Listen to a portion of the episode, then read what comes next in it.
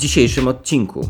Przyszłość Nord Stream 2, zawieszenie broni w Izraelu, spotkanie szefów dyplomacji USA i Rosji, rosyjska ekspansja na rynku LNG, 19 maja Departament Stanu USA przedstawił amerykańskiemu kongresowi obowiązkowy raport zawierający listę podmiotów podlegających sankcjom wymierzonym w Nord Stream 2. Nowa lista podmiotów zaangażowanych w realizację NS2 i objętych amerykańskimi sankcjami nie jest tak obszerna, jak oczekiwaliby krytycy Nord Streamu 2 w Europie i w USA i wydaje się być motywowana w głównej mierze celami amerykańskiej polityki zagranicznej, w tym poprawie stosunków z Niemcami. Spod amerykańskich sankcji została wyłączona spółka odpowiedzialna za budowę gazociągu, czyli Nord Stream 2 AG. Choć lista została poszerzona w stosunku do poprzedniej, to wszystko wskazuje na to, że nie doprowadzi ona do zahamowania budowy ostatniego odcinka gazociągu. Nikt tego głośno nie przyzna, ale politycznie sprawa stała się oczywista. Jest amerykańskie przyzwolenie na dokończenie budowy Nord Stream 2, skomentował na Twitterze dyrektor OSW Adam Eberhardt. Jak pisze Agata Łoskot-Strachota, jest coraz mniej prawdopodobne, by USA zdążyły nałożyć kolejne sankcje, które doprowadziłyby do przerwania budowy.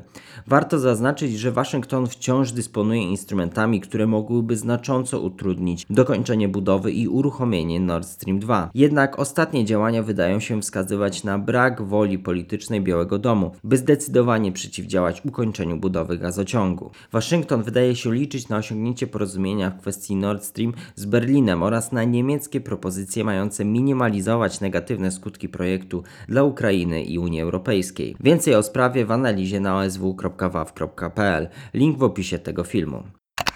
Po 11 dniach walk ogłoszono zawieszenie broni w strefie gazy. Intensyfikacja działań dyplomatycznych nastąpiła na skutek interwencji prezydenta USA Joe Bidena, który wezwał premiera Netanyahu do deeskalacji oraz po rozejmie zaproponowanym przez stronę egipską.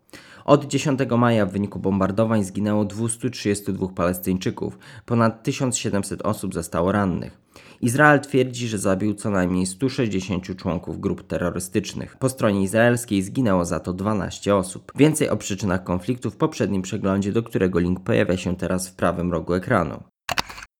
19 maja doszło do pierwszego bezpośredniego spotkania amerykańskiego sekretarza stanu i szefa rosyjskiego MSZ. Rozmowy miały miejsce w kontekście trwających konsultacji między Waszyngtonem a Moskwą na temat zaproponowanego przez Joe Bidena spotkania z Władimirem Putinem. W wydanych komunikatach obie strony podkreślały swą gotowość i chęć współpracy w obszarach, gdzie ich interesy są zbieżne kontrola zbrojeń strategicznych, ograniczenie programów nuklearnych Korei Północnej i Iranu oraz stabilizacja Afganistanu. Rosyjski minister zasugerował w wypowiedzi publicznej, że Amerykanie są skłonni rozmawiać o przynajmniej częściowej normalizacji warunków działalności przedstawicielstw dyplomatycznych obu państw ograniczonej w konsekwencji wzajemnych sankcji wprowadzonych w latach 2016-2021.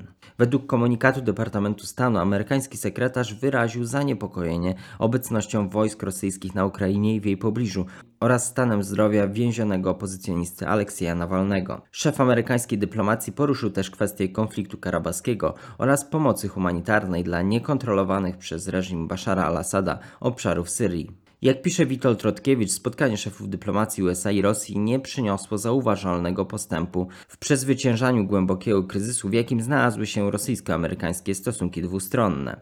Ton wypowiedzi publicznych obu dyplomatów oraz wydanego po spotkaniu komunikatu Departamentu Stanu sugeruje jednak, że strony są zainteresowane obniżeniem napięcia, stabilizacją i normalizacją wzajemnych relacji. Więcej w analizie na osw.waw.pl. Opublikowaliśmy obszerny komentarz na temat rosyjskiej ekspansji na rynku LNG. Rosja planuje zwiększyć swój udział w globalnym rynku gazu skroplonego do kilkunastu lub nawet 20-30%. Jak pisze Szymon Kardaś, ekspansja w tym sektorze jest także dla Moskwy argumentem na rzecz wzmacniania politycznej i militarnej obecności w Arktyce. Dodatkowo wzrost jej udziału w europejskim rynku LNG może być również pewnym remedium na utratę wpływów Gazpromu w niektórych krajach Unii Europejskiej. Więcej o tym bardzo ciekawym zagadnieniu w tekście, do którego linkujemy w opisie. Ukazał się także podcast Ośrodka Studiów Wschodnich o polityce zagranicznej Turcji. Jest on dostępny na YouTube, Spotify i innych platformach streamingowych. Zapraszamy do subskrybowania tego kanału. Kolejne odcinki już wkrótce.